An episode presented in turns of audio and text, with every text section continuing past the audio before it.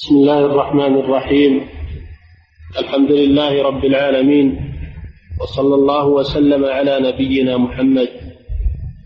أما بعد قال المصنف رحمه الله تعالى وعن أبي هريرة رضي الله عنه أن النبي صلى الله عليه وسلم كان إذا رفع إنسانا إذا تزوج رفع رفع.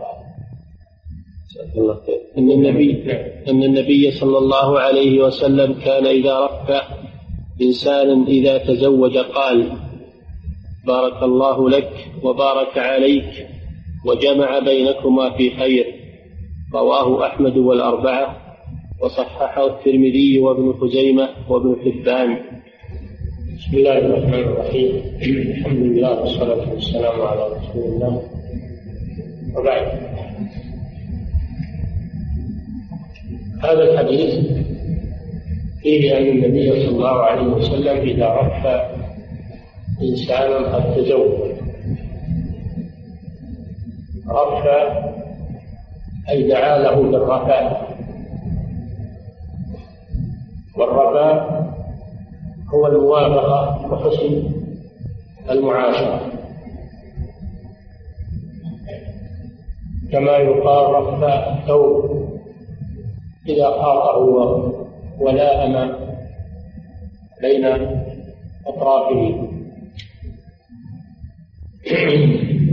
يقال رفع الثوب إذا خاط ما فيه من من شقوق ولائم بين أطرافه. كانوا في الجاهلية يؤمرون المتزوج فيقولون بالرخاء والبنين هذه تهنئة الجاهلية. بالرخاء يعني حسن المعاشرة والتوافق والبنين يعني الذرية النبي صلى الله عليه وسلم أبدل هذا الدعاء الذي كان في الجاهلية بهذا الدعاء العظيم. النبوي الجامع للخير.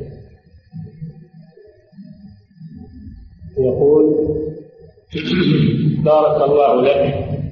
يقول للمتزوج بارك الله لك وبارك عليك. وجمع بينكما في خير. هذا دعاء عظيم. دعاء بالبركة لكل من الزوجين ودعاء بالخير أن يجمع الله بين الزوجين بالخير. يدخل في ذلك كل خير من البنين. وغيره. هذه أدعية جامعة. دل هذا الحديث على أنه يستحب تهنئة المتزوج والدعاء له بما دعا به النبي صلى الله عليه وسلم. بدلا من دعاء الجاهلية بالرفاع والبنين. نعم. وعن عبد الله بن مسعود رضي الله عنه قال علمنا رسول الله صلى الله عليه وسلم التشهد في الحاجة. إن الحمد لله نحمده ونستعينه ونستغفره ونعوذ بالله من شرور أنفسنا. من يهده الله فلا مضل له ومن يضلل فلا هادي له. وأشهد أن لا إله إلا الله وأشهد أن محمدا عبده ورسوله. ويقرأ ثلاث آيات رواه أحمد والأربعة وحسنه الترمذي والحاكم. هذا الحديث أيضا فيه بيان الخطبة التي تقال عند العقد عند عقد النكاح. وهو حديث ابن مسعود المشهور. قال علمنا رسول الله صلى الله عليه وسلم التشهد في الحاجة. يعني في افتتاح كل كل أمر من الأمور المهمة ومنها عقد الزواج. هذه الخطبة فتح بها عقد النكاح فتح بها المحاضرة والدرس وخطبة الجمعة أحيانا لكن لا يداوم عليها في خطب الجمعة. لأن الأغلب أنه صلى الله عليه وسلم كان يفتتح الخطب بقول الحمد لله. لكن إذا قالها بعض الأحيان إن الحمد لله فلا بأس. المصنف أوردها هنا في كتاب النكاح لأنها تقال في عند عقد النكاح عند الإجابة والقبول. إن الحمد لله أي جميع الحمد. يستحق لله سبحانه وتعالى على نعمه العظيمة. نحمده ونستعينه ونستغفره. ثلاث كلمات عظيمة. الحمد لله نحمد الحمد لله نستغفره. نستعينه. ثلاث كلمات. تجمع خيري الدنيا والآخرة. فيه الاستعانة وفيه الثناء على الله سبحانه وتعالى وفيه الاستغفار عن تقصير العبد في حق ربه عز وجل.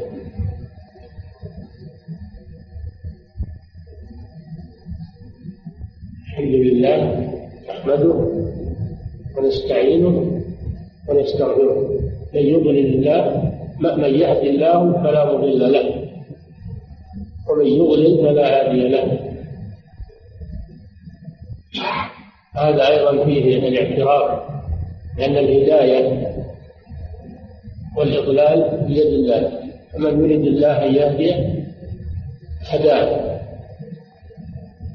ولو اجتمع الناس كلهم على صده عن الهدى ما استطاعوا من أراد الله له الهداية وفقه له. ولو حاول الناس إضلاله ما استطاعوا ومن يضلل إن أراد الله إضلاله أنه لا يستحق الهداية فلن يستطيع الناس أن يهدوه أبدا. حتى الرسول صلى الله عليه وسلم إنك لا تهدي من أحببت. والمراد بالهداية هنا هداية التوفيق هداية التوفيق لأن الهداية قسمان هداية دلالة وإرشاد. وهذه يستطيعها المخلوق. أن يدعو إلى الله وأن يرشد. وهذه يملكها الرسول صلى الله عليه وسلم كما في قوله تعالى وإنك لتهدي إلى صراط مستقيم أي تدل عليه وترشد إليه. في قوله تعالى فأما ثمود فهديناهم. يعني دلهم الله على طريق. الحق لكن أبوا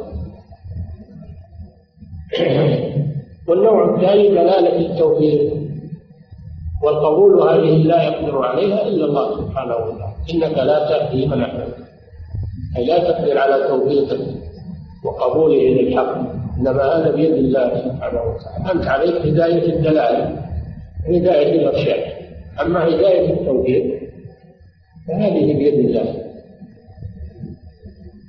فمن يريد الله أن يهديه يشرح صدره. للإسلام ومن يريد أن يضله يجعل صدره ضيقا حرجا كأنما يصعد في السماء والله جل وعلا لا يضع الهداية إلا بمن يستحقها ولا يضع الإضلال إلا بمن يستحقه. وهو أعلم سبحانه وتعالى بالخلق.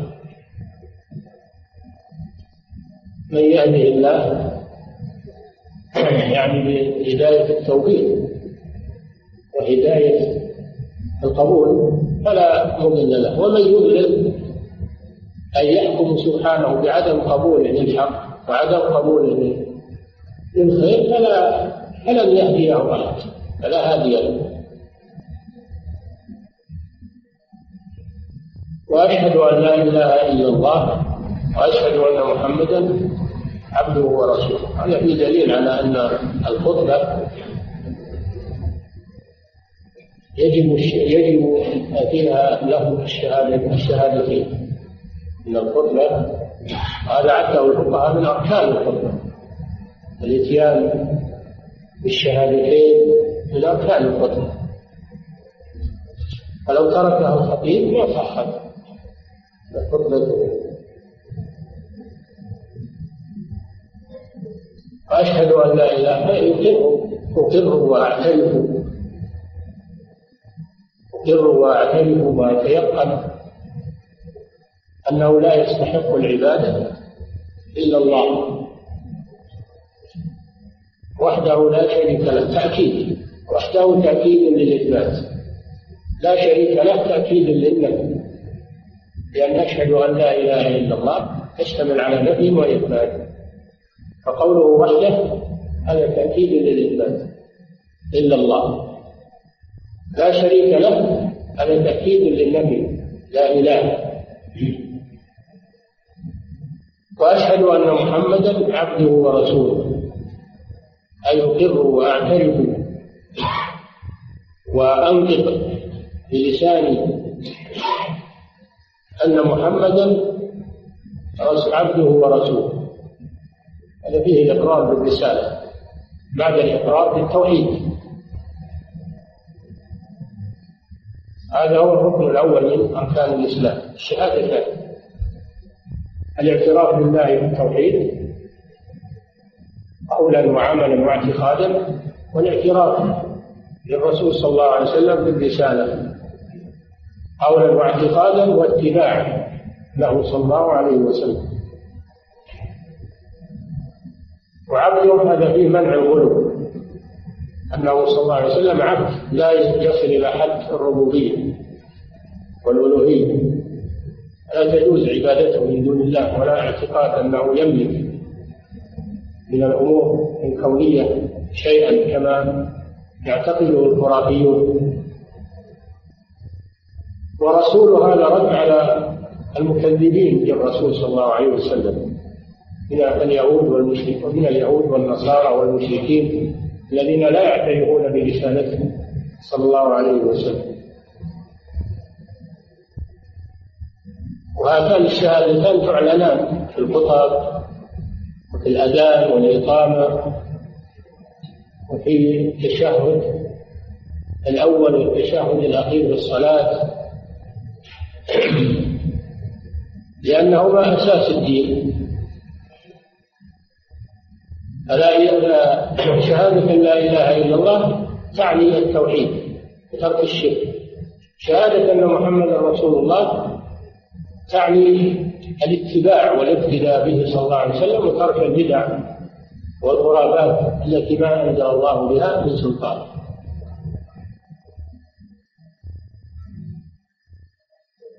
ثم يقرأ ثلاث آيات.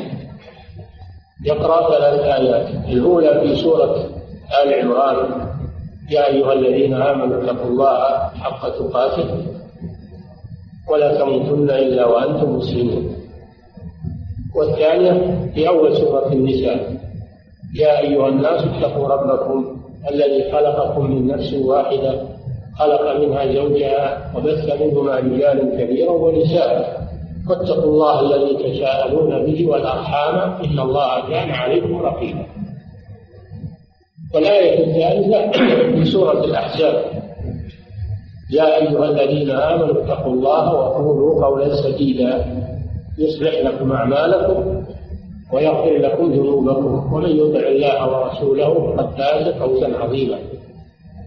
نقرأ هذه الآيات في خطبة الحاجة. والمراد بالحاجة كل حاجة سواء حاجة عقد النكاح أو غيره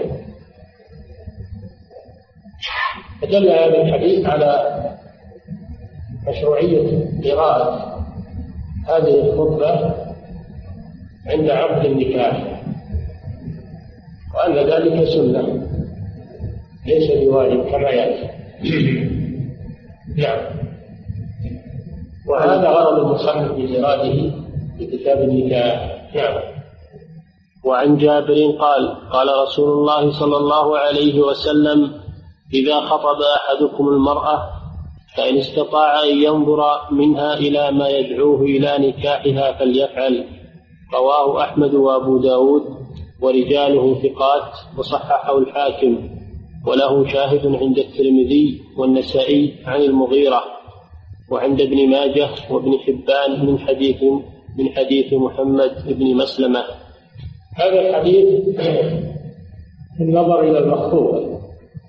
النظر إلى المخطوبة أن الإنسان إذا أراد أن يتزوج امرأة ورغب فيها سواء خطبها أو لم يخطبها فإنه يستحب له أن ينظر إليه ينظر إلى ما يرغبه فيه حتى يكون على بصيرة. ينظر إلى ما يرغبه في نكاحها. لئلا يكون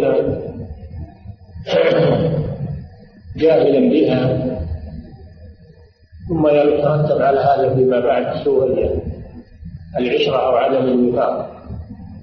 أما إذا نظر إليها وعرفها فهذا أدعى للوفاق بينهما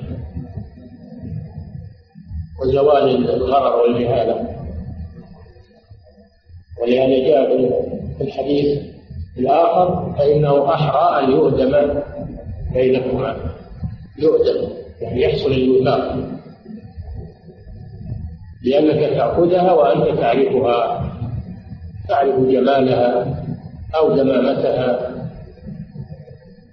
تعرف خصوبة بدنها أو أو نحالة بدنها. إن استطاع أن ينظر إلى ما يدعوه إلى نكاحها فليفعل هذا حديث جابر. وهذا أمر النبي صلى الله عليه وسلم به جابر لما أراد أن يتزوج امرأة. قال إن استطعت أن تنظر إليها فافعل قال جابر رضي الله عنه فتخبأت لها. تخبأت يعني اختفيت ولم تعلم بي فنظرت إليه هذا فيه دليل على مشروعية النظر إلى المخطوبة. وأن هذا أمر لا بأس به بل هو مستحب.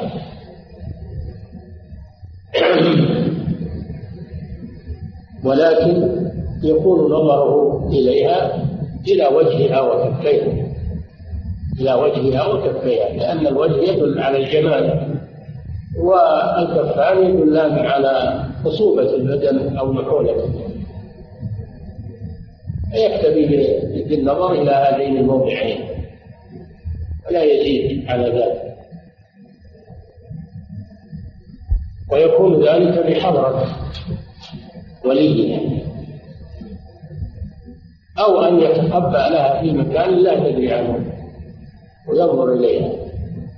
إما بحضرة وليها وإما أن يكون في مكان يتخبأ فيه كما فعل جابر رضي الله عنه. أما أن يخلو بها فهذا أمر محرم. أو أن يسافر بها هذا أمر أشد فلا يخلو بالمرأة الأجنبية قوله صلى الله عليه وسلم ما قال رجل امرأة إلا كان الشيطان ثالثه وكذلك أشد من هذا أن يسافر بها كما يفعله المتهتكون الذين لا يغارون على محارمهم يسافر بها ويخلو بها أنها مخطوبة يسمونها المخطوبة. هذا لا يضره الإسلام. كما دل الحديث أيضا على أن الأصل تحريم النظر إلى النساء. الأصل تحريم النظر إلى المرأة الأجنبية لأن النبي صلى الله عليه وسلم إنما رخص فيه للخاطب فقط. دل على أن الأصل تحريمه لما يجر إليه من الفتن قال قال الله تعالى قل للمؤمنين يغضوا من أبصارهم ويحفظوا فروجهم وقل للمؤمنات يغضن من أبصارهن ويحفظن فروجهن الأصل تحريم النظر إلى النساء الأجنبيات. وإنما رخص النبي صلى الله عليه وسلم النظر إلى المخطوبة. هذه مسألة مهمة. ترد على هؤلاء الذين يقولون المرأة إنسان آدمي لماذا يضرب عليها هذا الحجاب؟ ويتهكمون ويقولون تصبح كأنها خيمة متنقلة. من التهكم بشرع الله عز وجل خيمة متنقلة إلى غير ذلك. وهذه تقاليد تقاليد بالية وهذا فيه تضييق على المرأة فيه سوء ظن بالمرأة. إلى غير ذلك من الأقوال الكفرية والعياذ بالله. ويدعون بذلك أن المرأة لها حريتها ولا لها حريتها في الباطل أو في الحرام لا الإنسان ما له حرية في الحرام والباطل والشرك. ما له حرية في مخالفة شرع الله عز وجل. الإنسان عبد. عبد لله تقيد بشرعه. إلا كانوا عبد للشيطان فلا يتقيد بشرع الله. الإنسان ما هو لا, لا بد أنه عبد الإنسان لا بد أنه عبد خلقه الله عبدا. فإما أن يكون عبدا لله وإما أن يكون عبدا للشيطان. لا بد من أحد هذين الأمرين فإن تقيد بشرع الله ودينه فهو عبد لله وإن خرج عن شرع الله ودينه وادعى الحرية فهو عبد للشيطان. كما قال العلامة ابن القيم رحمه الله هربوا من الرزق الذي خلقوا له يعني عبادة الله سبحانه وتعالى قبولوا برزق النفس والشيطان. الإنسان عبد إما عبد لله وإما عبد للشيطان وإما عبد لهواه. فرأيت من اتخذ إلهه هوى كن عبدا لهواه وشهواته أو عبدا للدرهم والدينار كما قال النبي صلى الله عليه وسلم. عبد للخميصة والخميل الإنسان عبد ولا بد. فإما أن يكون عبدا لله وإما أن يكون عبدا لغيره. في حرية كما يقولون؟ عاف الحرية. بل الحرية الصحيحة هي أن يكون عبدا لله. يتحرر من الشياطين يتحرر من الهوى ويتحرر من الشهوات هذا هذا حر يكون حر. إذا كان عبدا لله صار حرا حرا من من عبادة الشيطان وحر من عبادة الهوى حر من عبادة الشهوات. هذه هي الحرية الصحيحة. ولمسلم عن أبي هريرة أن النبي صلى الله عليه وسلم قال لرجل تزوج لرجل تزوج امرأة انظرت إليها؟ قال لا. قال اذهب فانظر إليها. تزوج امرأة يعني خطبها خطبها لو تزوج بمعنى عقد عليها صارت زوجة لكن معناه إنه خطب المرأة أو أراد خطبتها. قال له النبي صلى الله عليه وسلم أنظرت إليها قال لا. قال اذهب فانظر إليها هذا مثل الحديث يعني لأنه يباح أو يسن للخاطب أن ينظر من مخطوبته إلى ما يدعوه ويرغبه إلى نكاحها. فإن ساغت له تزوج وأقدم. وإن لم تسوغ له تركها كن على بصيرة. هذا من سنن الزواج. لكن بالضوابط التي ذكرنا ينظر إليها بأن ينظر إلى وجهها وكفيها ويكون ذلك بحضرة حضرة وليه ويكون بقدر الحاجة. بقدر ما يعرف هذه المرأة هل هي تصلح له أو لا.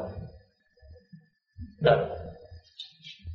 وعن ابن عمر رضي الله عنهما قال قال رسول الله صلى الله عليه وسلم لا يخطب أحدكم على خطبة أخيه حتى يترك الخاطب قبله أو يأذن أو يأذن له. متفق عليه واللفظ للبخاري. هذا الحديث فيه احترام حقوق المسلمين وعدم التعدي عليهم ومن ذلك إذا خطب رجل امرأة. إذا خطب رجل امرأة. فلا يجوز لأحد أن يخطبها حتى ينتهي هذا الخاطب الأول إما بأن يستجاب له أو لا يستجاب له أو هو يأذن للخاطب الثاني يتنازل له لأنه لما سبق إليها صار له الحق. لا يجوز لأحد أن يعتدي عليه ويخطبها بعد خطبته. لما في ذلك من العدوان على حق المسلم. ولأن هذا يورث العداوة والبغضاء بين المسلمين. فيحرم يحرم على الإنسان أنه يخطب امرأة مخطوبة قبله حتى يتبين له أنه قد رد أو أن الخاطب يأذن له لأنه حق له فإذا تنازل عنه فله ذلك. فلو فلو خطب على خطبة أخيه وتزوجها الجمهور على أنه يصح العقد لكن مع الإثم. وذهب بعض العلماء الظاهرية إلى أن العقد غير صحيح. عقد الخاطب الثاني يكون غير صحيح. لكن الجمهور على صحته ويأثم الخاطب لأنه اعتدى على حق أخيه. كما أنه ينهى عن بيعه على بيع أخيه وشرائه على شراء أخيه وصومه على صوم أخيه. حقوق للمسلمين ما يجوز للإنسان يتعدى عليها. ولهذا قال صلى الله عليه وسلم على على خطبة أخيه أخيه الأخوة تقتضي عدم الاعتداء بين الأخوين أن يحترم أخاه. نعم. وعن سهل بن سعد الساعدي رضي الله عنه قال جاءت امرأة إلى رسول الله صلى الله عليه وسلم فقالت يا رسول الله جئت أهب لك نفسي. فنظر إليها رسول الله صلى الله عليه وسلم فصعد النظر فيها وصوبه ثم طأطأ رسول الله صلى الله عليه وسلم رأسه. فلما رأت المرأة أنه لم يقض فيها شيئا جلست فقام رجل من أصحابه فقال يا رسول الله إن لم تكن لك بها حاجة فزوجنيها. قال فهل عندك من شيء؟ فقال لا والله يا رسول الله. فقال اذهب إلى أهلك فانظر هل تجد شيئا. فذهب ثم رجع فقال لا والله ما وجدت شيئا. فقال رسول الله صلى الله عليه وسلم انظر ولو خاتما من حديد. فذهب ثم رجع فقال لا والله يا رسول الله ولا خاتما من حديد ولكن هذا إزاري. قال سهل ما له رداء. فلها نصفه فقال رسول الله صلى الله عليه وسلم ما تصنع بإزارك إن لبست لم يكن عليها منه شيء وإن لبست فقال رسول الله صلى الله عليه وسلم ما تصنع بإزارك إن لبست لم يكن عليها منه شيء. إن لبسته إن لبسته لم يكن عليها منه شيء وإن لبسته لم يكن عليك منه شيء. فجلس الرجل حتى إذا طال مجلسه قام. فرآه رسول الله صلى الله عليه وسلم موليا فأمر به فدعي به فلما جاء قال ماذا معك من القرآن؟ قال معي سورة كذا وسورة كذا عددها. فقال تقرأهن عن ظهر قلب؟ قال نعم. قال اذهب فقد ملكتكها بما معك من القرآن. متفق عليه واللفظ لمسلم. وفي رواية قال له انطلق فقد زوجتكها فعلمها من القرآن. وفي رواية للبخاري أمكناكها بما معك أمكناكها أملكناك نعم. وفي رواية للبخاري أمكناكها بما معك من القرآن ولأن نعم. ولأبي داود عن أبي هريرة رضي الله عنه قال ما تحفظ قال سورة البقرة والتي تليها. قال قم فعلمها عشرين آية. هذا حديث عظيم. حديث عظيم. وفيه أحكام جليلة. أحكام جليلة وكثيرة من أحكام النكاح. وهو حديث الواهبة نفسها للرسول صلى الله عليه وسلم. وذلك أن امرأة لم تسمى. يقال إنها قولة بنت حكيم. الله أعلم. جاءت إلى النبي صلى الله عليه وسلم. فوهبت نفسها له. وهبت نفسي لك يا رسول الله. وهبت نفسها. له فدل هذا على أن للمرأة أن تخطب الرجل. إذا رغبت في رجل أن تخطبه. أو وليها يخطبه لها. وأن الخطبة ليست مقصورة على الزوج بل المرأة أيضا تخطب لها من يصلح لها. فصوب فيها صلى الله عليه وسلم النظر وصعد يعني نظر إلى جسمها أعلاه وأسفله. هذا فيه أيضا النظر إلى المخطوبة كما في الأحاديث السابقة. فيه النظر إلى المخطوبة كما في الأحاديث السابقة. ثم طاطا رأسه صلى الله عليه وسلم. ولم يقل شيئا؟ هذا حسن أدبه صلى الله عليه وسلم. لم يقل للمرأة لا أريد. يحصل لها ما يحصل من انكسار في النفس والخجل. بل إنه صلى الله عليه وسلم سكت. هذا من حسن خلقه صلى الله عليه وسلم. ومن حسن أدبه الذي أدبه ربه. به فلما رأت المرأة أنه لم يبقي فيها بشيء لا برد ولا بقبول جلست فقام رجل من الحاضرين. فقال يا رسول الله إن لم تكن لك رغبة فيها هذا فيه دليل على ما تقدم أنه لا يخطب الإنسان على خطبة أخيه. حتى يأذن. هذا الرجل استأذن رسول الله صلى الله عليه وسلم. إن لم يكن لك بها رغبة. فإذا خطب رجل امرأة وأنت تريدها لا مانع تذهب إليه. يقول له يا أخي أنا لي فيها رغبة إن كانت بتنازل لي فلا بأس بذلك. إذا أذن لك فلا بأس.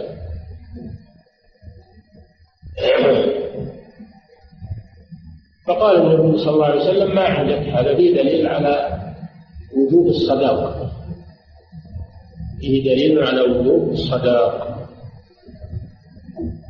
وأنه لا تزوج المرأة بدون صداقة فإن زوجت بدون صداقة فرض لها مهر مثلها لو عقد لها بدون صداقة فإنه يفرض فإنه يفرض لها مهر مثلها ولا تترك بدون صداقة قال ما عندك؟ قال ما عندي شيء. قال فاذهب إلى أهلك. ذهب الرجل إلى أهله وعد قال يا رسول الله لم أجد شيئا.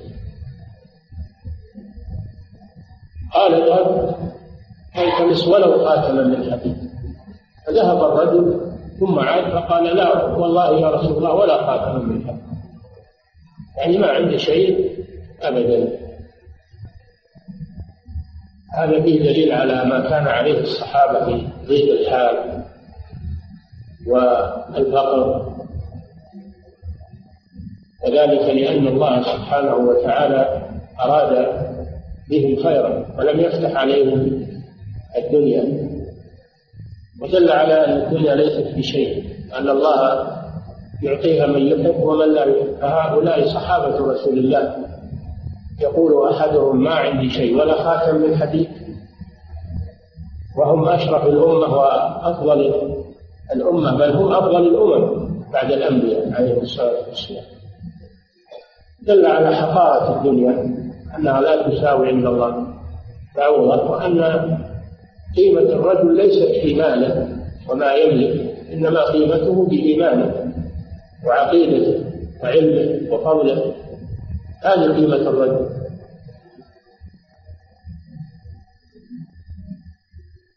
فلما ولكن قال لكن هذا إزاري قال هذا إزاري والإزار ما يكون على أسفل اليد.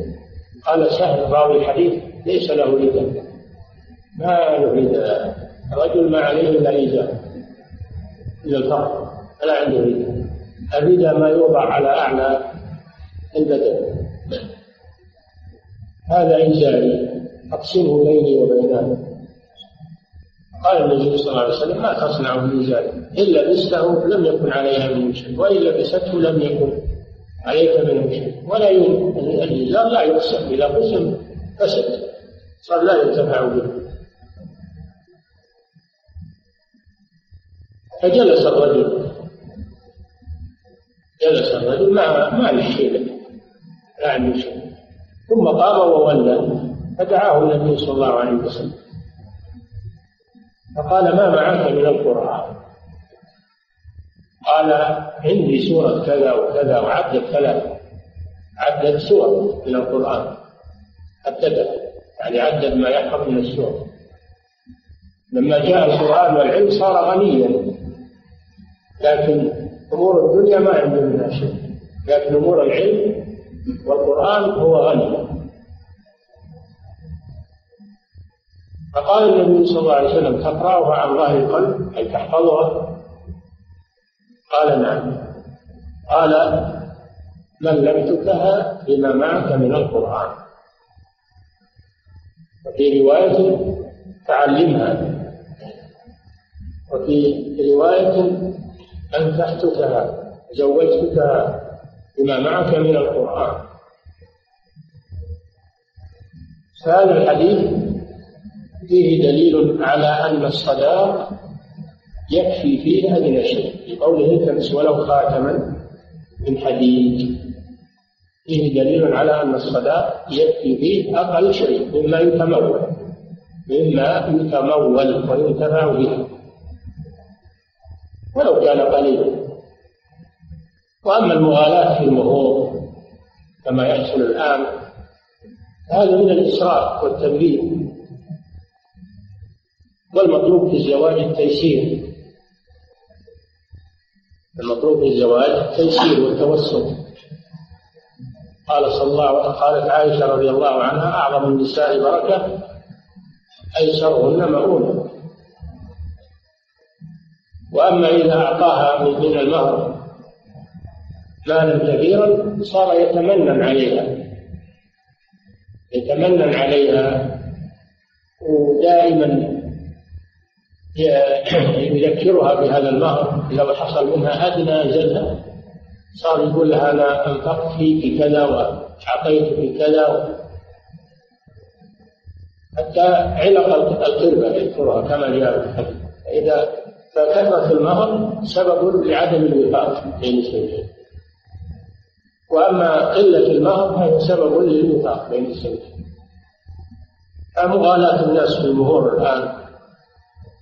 هي فيه مفاسد. أولا أن فيه إسرافا وتبذيرا. ما أنزل الله به من سلطان. الله جل وعلا يقول إن المبذرين كانوا إخوان الشياطين. كان الشيطان لربه كفورا. وفيه أيضا تعسير للزواج. تعسير لطريق الزواج. يصير اللي ما عنده مبلغ كبير ما يزوج. والناس أكثرهم ما عندهم ما عندهم غنى فقراء. يتعسر الزواج بسبب غلاء المهور. فالمطلوب من المسلمين تيسير المهور. تيسير المهور.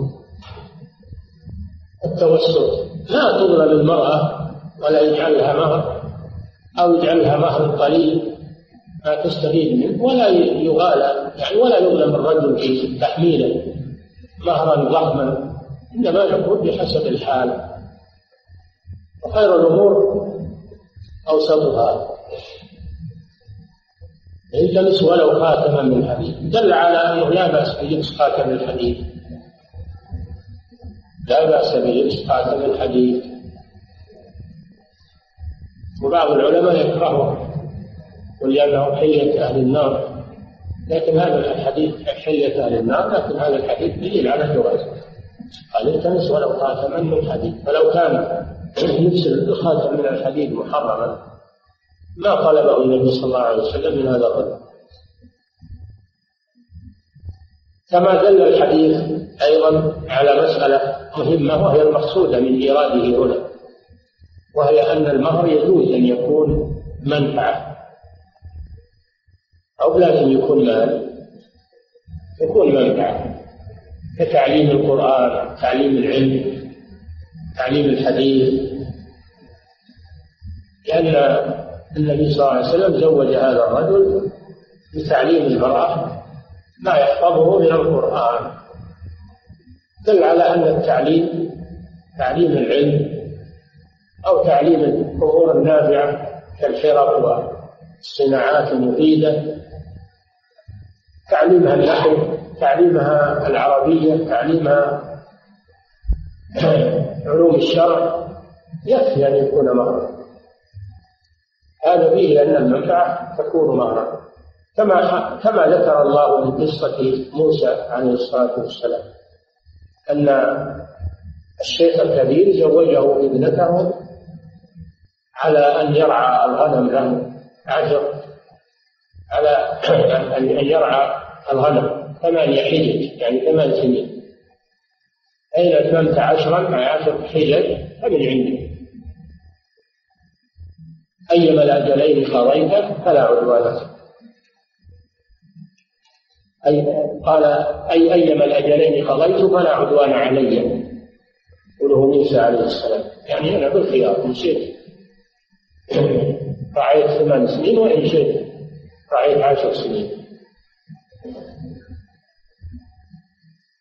قال ذلك بيني وبينك.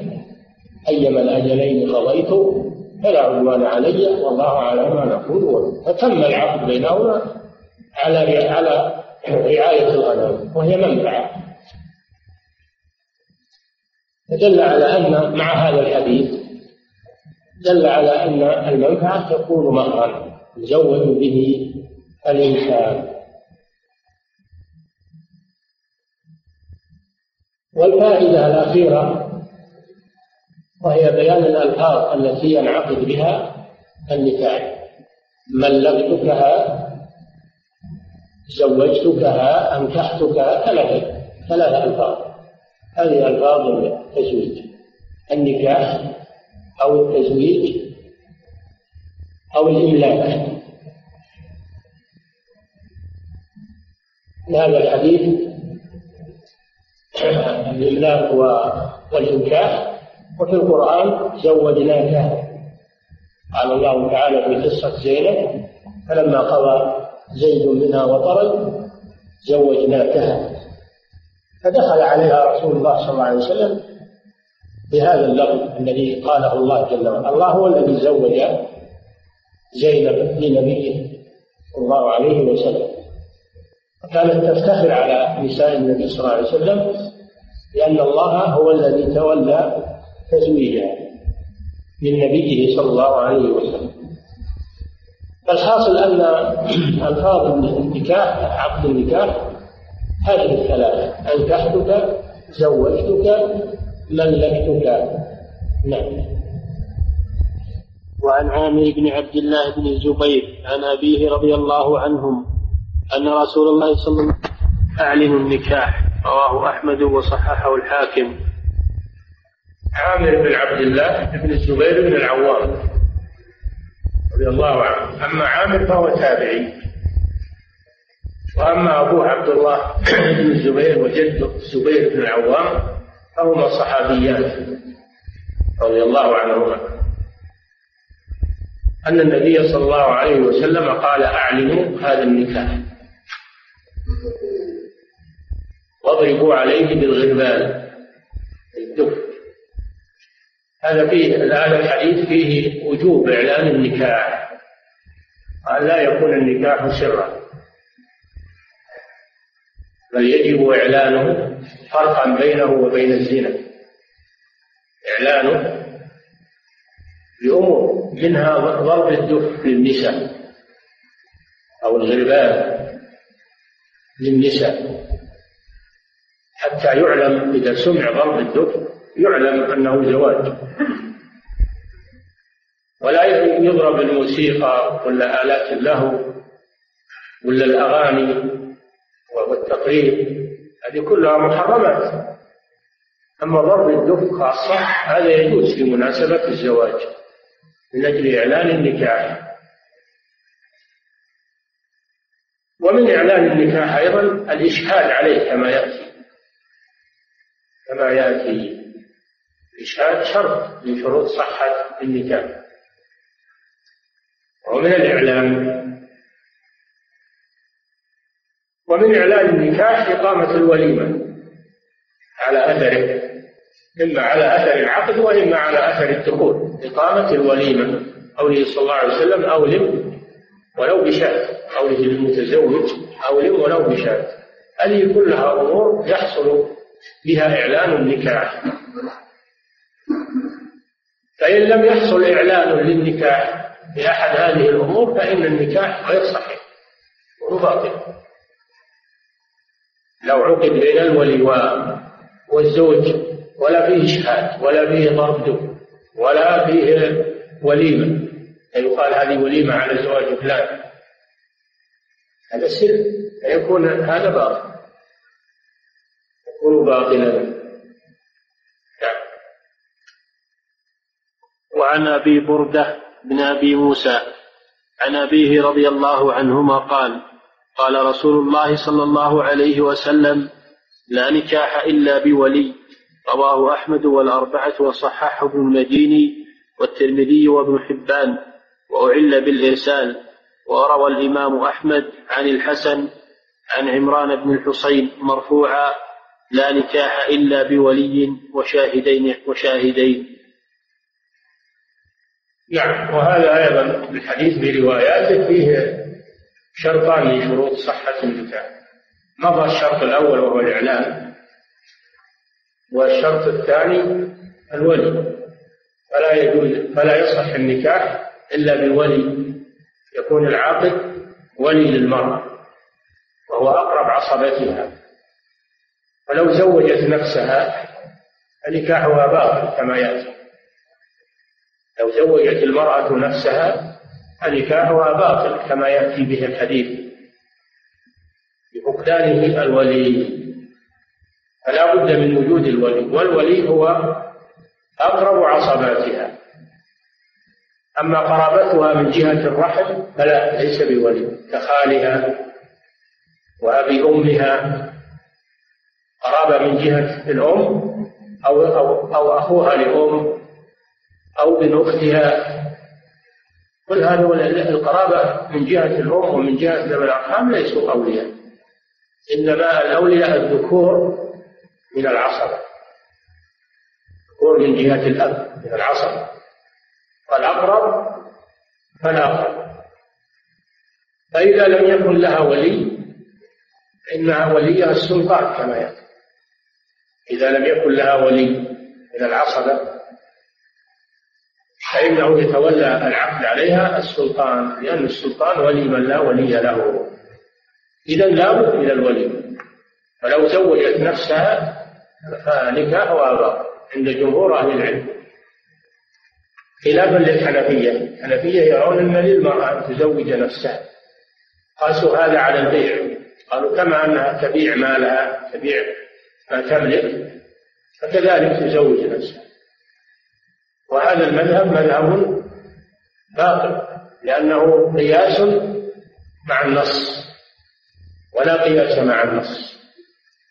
فلا يصح تزويج المرأة لنفسها وإن قال به من قال من أهل العلم.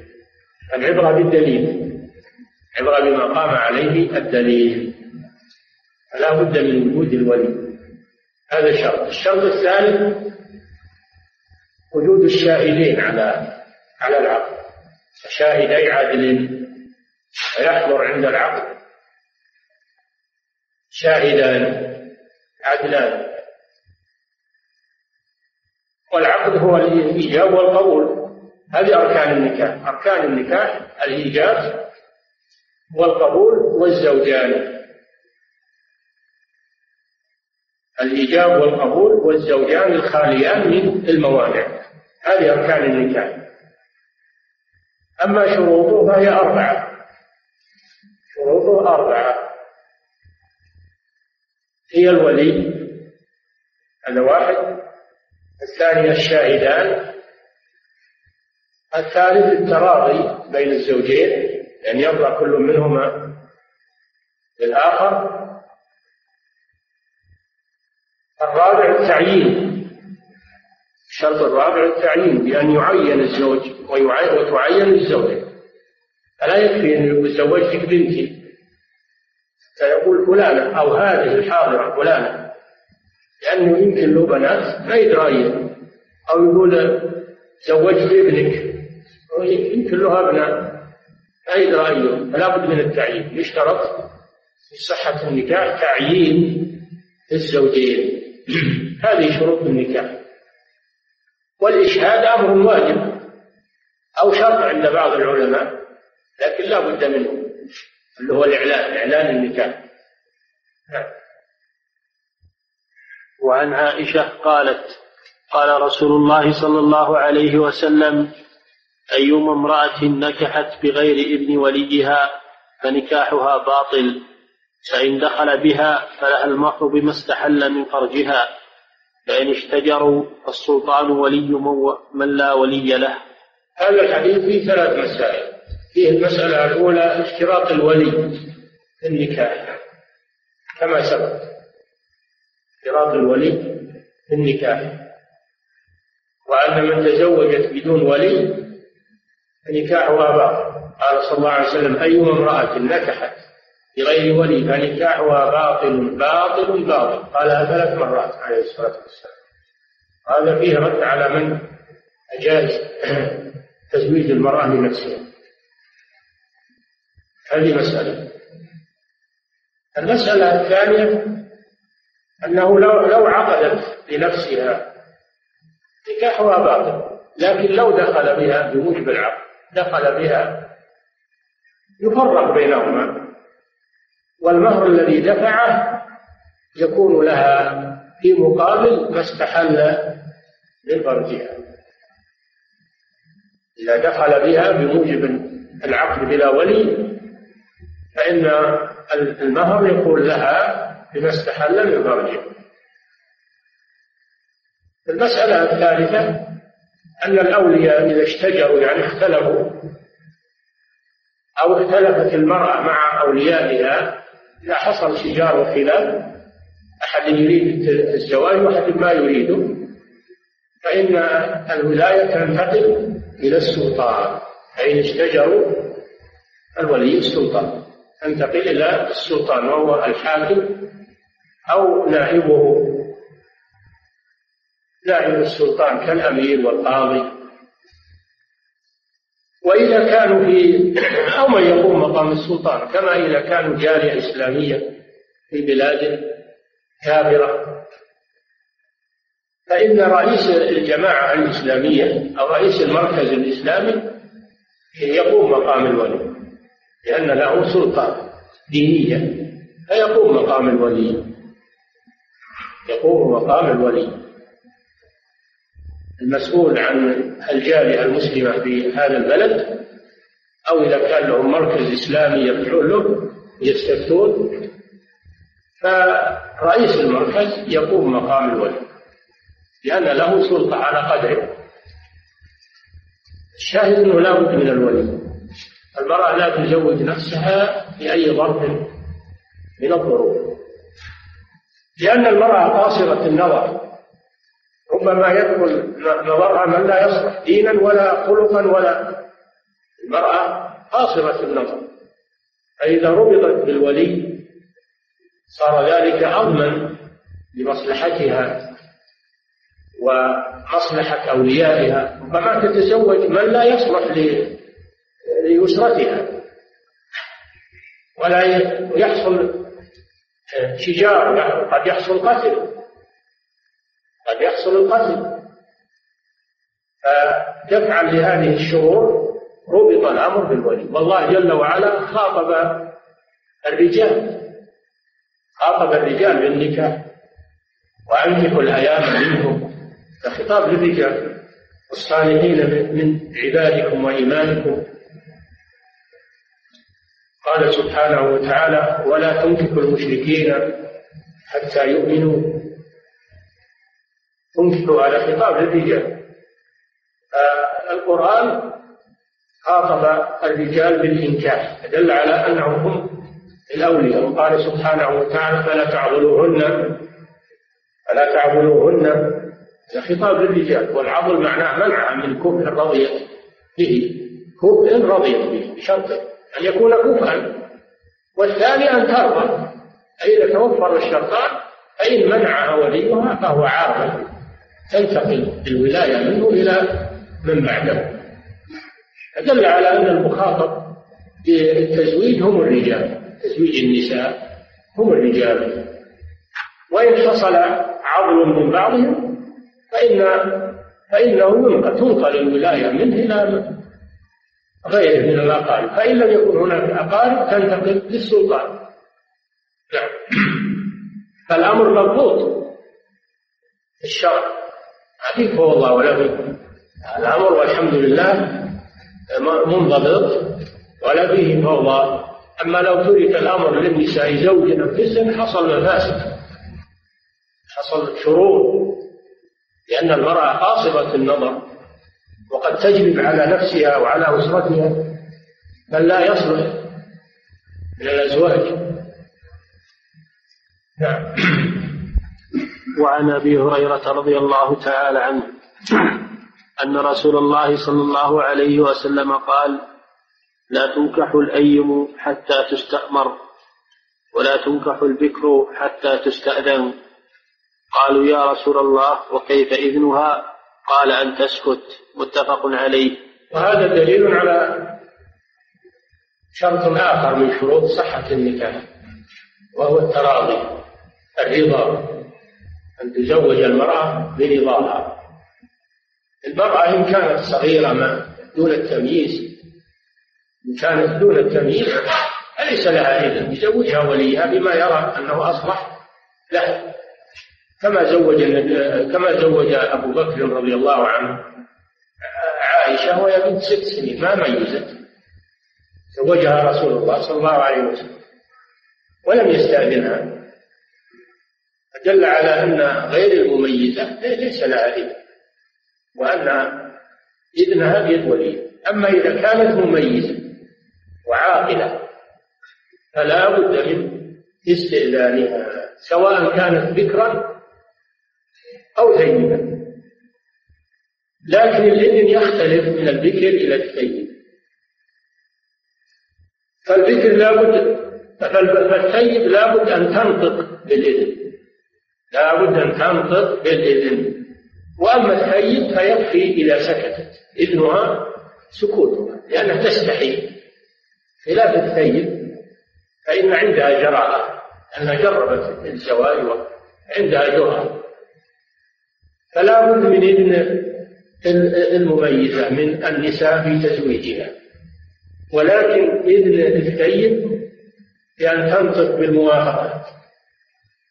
وإذن البكر بالسكوت فإذا سكتت هذا دليل على إذنها لأنها تستحي أن أن تصرح. ودل الحديث على أنه لا إجبار على أنه لا إجبار للمرأة لا لا بكرا ولا ثيبا وأن الذين فرقوا بين الذكر والثيب قالوا الذكر لوليها أن يثمرها والثيب ليس له التفريق هذا غير صحيح. المرأة المميزة العاقلة لا تجبر. لا بد من إذنها إما بالقول وإما بالسكوت. نعم. وعن ابن عباس أن النبي صلى الله عليه وسلم قال الثيب أحق بنفسها من وليها والبكر تستأمر وإذنها سكوتها رواه مسلم وفي لفظ. هذا. وفي لفظ ليس للولي مع الثيب أمر واليتيمة تستأمر. رواه أبو داود والنسائي وصححه ابن حبان. فضيلة الشيخ لم نعلم أن امرأة وهبت نفسها لأحد غير النبي صلى الله عليه وسلم فهل هذا خاص به أم هو عام؟ نعم هذا خاص بالنبي صلى الله عليه وسلم كما في صريح القرآن. طيب. وامرأة وهبت نفسها للنبي إذا أراد النبي أن يستنكحها خالصة لك من دون المؤمنين. فتزوج المرأة إذا وهبت نفسها. هذا خاص بالنبي صلى الله عليه وسلم. أما غيرها إذا عرضت نفسها فلا بد من وليها كما في الحديث لا نكاح إلا بولي أما الرسول صلى الله عليه وسلم فله أن يتزوجها. بدون ولي. إذا وهبت نفسها له هذا خاص به. صلى الله عليه وسلم. ولأنه ولي عليه الصلاة والسلام هو ولي المؤمنين. النبي أولى بالمؤمنين من أنفسهم. هذا خاصية للرسول صلى الله عليه وسلم. نعم. فضيلة الشيخ. لكن لها أن تخطب وتطلب الزواج من أحد لكن لازم بواسطة ولي. نعم. فضيلة الشيخ الخطبة على خطبة الأخ. محرمة ولكن ماذا على الولي؟ إذا خطب اثنان فاختار الثاني لأنه أنسب. لا حرج على الولي أنه إذا خطب الاثنان فأكثر أنه يختار الأصلح للمرأة. ولا حرج عليه لكن الحرج على الذي خطب. أما هو مطلوب منه أنه يختار الأحسن لموليته نعم. فضيلة الشيخ ما المراد بالزواج العرفي؟ الذي يطالب به بعض المشبوهين وينهى عنه العلماء. الزواج العرفي هو الزواج اللي ما يوثق في المحاكم. أنهم يشترطون أن يكون العقد في المحكمة. هذا الزواج الرسمي. اللي ما يروح للمحكمة يزوج بولي وشهود يسمونه عرفي هذا غير صحيح. إذا حصل الشهود وحصل آه، شروط العقد. يعني تامة هو لازم يروحون للمحكمة ويكون العقد رسمي في المحكمة.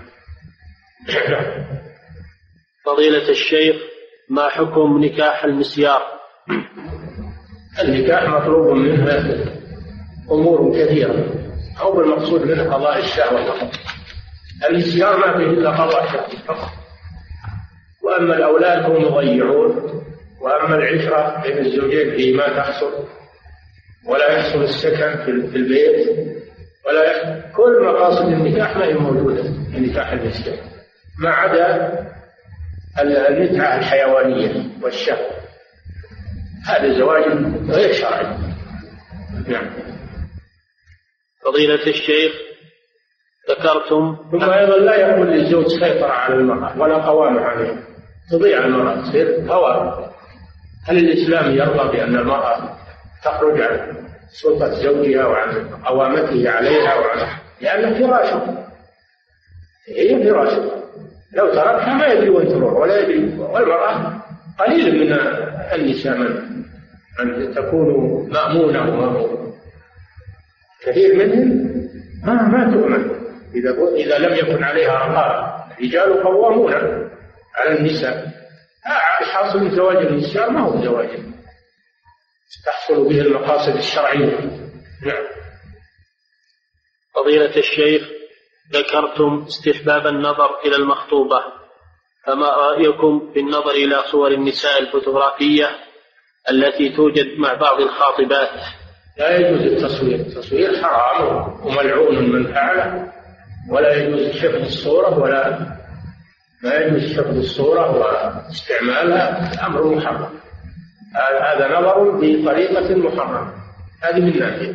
الناحية الثانية ما ما يدريك الصورة في صورة مخطوبة قد يكون أنهم كذبوا عليك جابوا لك صورة أحسن النساء وزوجك من من من يعني أشد النساء دماما يعني يكذبون عليك هذا ما ما, ما تصلح الصورة هذا من ناحيتين. من ناحية أنها محرمة. استعمالها ونقلها والاحتفاظ بها محرم والناحية الثانية تصوير النساء خاصة فيه فتن شروط أشد من تصوير الرجال.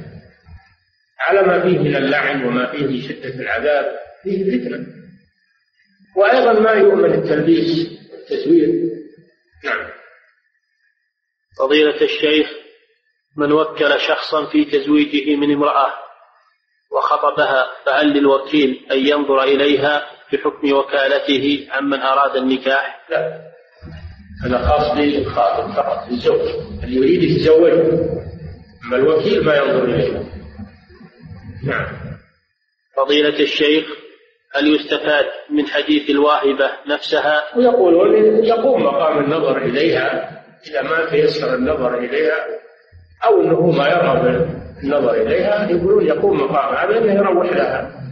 يعني امرأة من من قريباته إما أمه أو أخته أو يروحها وتعطيه مواصفات أو خبر نعم هذا يقوم مقام النظر.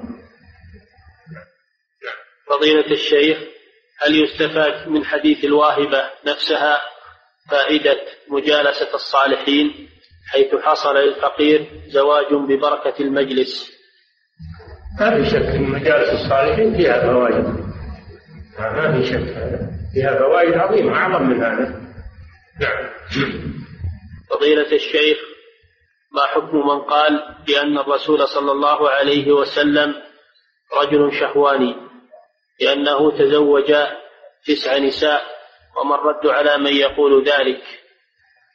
هذا كلام الكفرة الذين يريدون أن يشوهوا رسول الله صلى الله عليه وسلم. الله هو الذي أباح له ذلك. تزوجه بتسع. هذا لمصالح المسلمين. فيه مصالح عظيمة للمسلمين. والله أعلم حيث جعل للنبي صلى الله عليه وسلم هذا هذه الخاصية. مصالح عظيمة. فالنبي صلى الله عليه وسلم إنما نفذ ما شرعه الله له. ما ما شرعه الله له. والله أعلم سبحانه وتعالى بمصلحة الأمة ومصلحة النساء.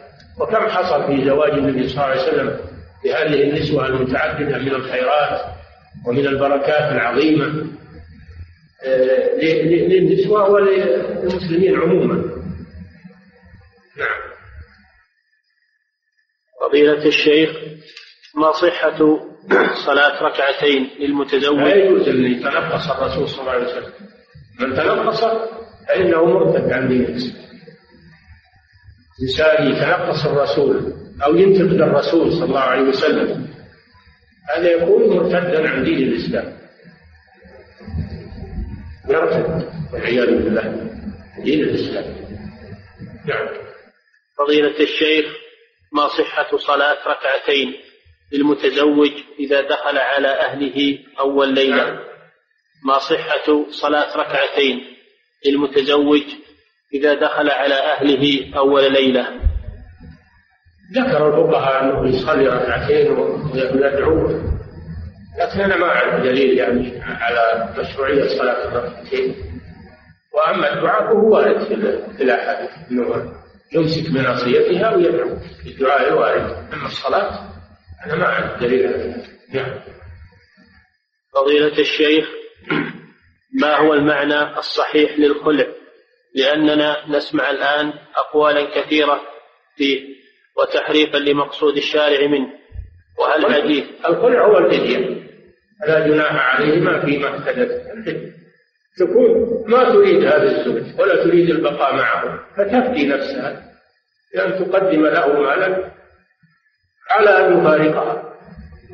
هذا هو الخلع إذا قدمت له مالا أو قدمه غيرها على أن يفارقها ففارقها فهذا هو الخلع أخذ المال وفارقها. هذا هو الخلع نعم. سمى الفدية لا جناح عليهما فيما افتدت أي قال أن لا يقيم حدود الله فلا جناح عليهما فيما افتدت به لا جناح عليها هي أن تبذل العوض لتتخلص منه ولا جناح عليه هو أن يقبل المبلغ ويفارقها نعم. فضيلة الشيخ هل حديث اقبل الحديقة وطلقها تطليقة يدل على أن المرأة يجوز لها أن تخالع بدون بدون سبب؟ ما هو بدون سبب المرأة هذه تقلب اللي قال لها النبي صلى الله عليه وسلم قال له لزوجها خذ الحديقة تقلب ما تطيق النظر إليه ما تطيق النظر إلى زوجها. فهي كرهت أن تبقى معه وهي لا تحبه. خشية أن لا تقوم بالواجب خشية أن لا تقوم بالواجب فلما رأى النبي صلى الله عليه وسلم منها ذلك أمر زوجها آه، أن أن يأخذ الحديقة التي أعطاها إياها وأن يطلقها. وهو ثابت بن وهو ثابت بن الشماس. نعم. فضيلة الشيخ إذا زوج أبو البنت ابنته بشاب نعم. إذا زوج أبو البنت ابنته بشاب غير صالح وعارض أخو البنت على هذا وعارض إلى إيش؟ زوج أبو البنت أي. ابنته بشاب غير صالح. نعم. وعارض أخو البنت على هذا الزواج على والده. هل يعتبر عاقا لوالده علما بأنه يريد لها الأصلح؟ يبدي رأيه يبدي رأيه وأن هذا ما يصلح. فإذا أبدى رأيه يكفي هذا. منه يكفي هذا. منه وما دام ان الرجل انه مسلم فالعقد صحيح. وإذا كانت إذا كان فيه ضرر عليها فلها الخيار هي اللي تختار البقاء الفسق إذا كان عليها ضرر من البقاء يكون الخيار لها هي. نعم. فضيلة الشيخ هل من حق المرأة أن تطلب رؤية الخاطب؟ نعم. قالوا ذلك قالوا من حقها أيضا أن تنظر إليه. هل يصلح لها أو ما يصلح؟ نعم. فضيلة الشيخ بعض الآباء يزوج ابنته بريال واحد أو بمئة ريال. مع أن الخاطب يملك, يملك مالا أكثر ويرى أن ذلك من السنة وهو تقليل المهر مما يسبب بعد ذلك استحقار الزوج لزوجته وأنك لا تساوي الريال واحد. هذا هضم لحقها. لها مهر المثل في كل وقت بحسب. لها مهر المثل في كل وقت بحسبه ولا تعظم حقها. نعم. فضيلة الشيخ إذا كان الوالد لا يصلي فهل يحرم الولد من الإرث؟ ولماذا نعم إذا كان. الوالد لا يصلي؟ فهل يحرم الولد من الإرث؟ ولماذا مع أنه أحق بالإرث إذا كان مسلما؟ نرجو التوضيح في العلة. نعم إذا كان إذا كان الميت تاركا للصلاة متعمدا فهو مرتد عن دين الإسلام. والمرتد لا يرثه أحد لا أقاربه الكفار ولا أقاربه المسلمين وإنما يصادر ماله بيت المال. يكون فيئا لبيت المال. لأنه لا توارث بين مسلم وكافر. الحديث الصحيح لا يرث المسلم الكافر ولا الكافر المسلم. الحديث صحيح. فلا يرث المسلم الكافر ولو كان أباه أو ابنه أو أخاه. نعم. فضيلة الشيخ ما هو الدف وما صفته؟ وهل يكون المغلق من جميع الجهات من الدف الجائز؟ الدف هو المعروف عند العرب وهو ما يكون مغلقا من جهة من جهة واحدة. أما إذا كان مغلق من الجهتين يعني يسمى القبر ما هو الدف.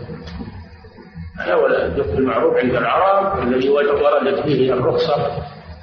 النكاح هو ما كان مغلقا من جانب واحد. نعم. فضيلة الشيخ إذا لم يكن للمرأة ولي من عصبتها ولها خال فهل يكون ولي لها؟ لا. لولا الأرحام لا يكون أولياء للمرأة. إذا لم يكن لها عصبة فيزوجها السلطان أو نائبه. نعم. فضيلة الشيخ هل يجوز دفع الزكاة لشاب يريد الزواج؟ إذا كان عاجزا عن الزواج عن كلف الزواج فيساعد بقدر ما آه، يحتاج للزواج. لا معنى. نعم. فضيلة الشيخ ما الفرق بين الأركان والشروط في العقد؟ من بين الأركان والشروط في العقد.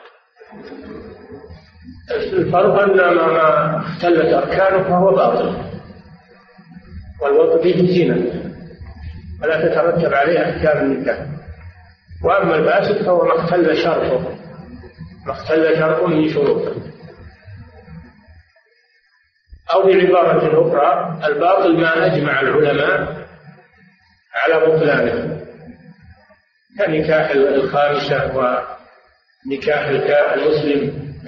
نكاح الكافر للمسلمة والنكاح في العدة. هذا نكاح باطل بإجماع أهل العلم. ما أحد يقول إنه صحيح.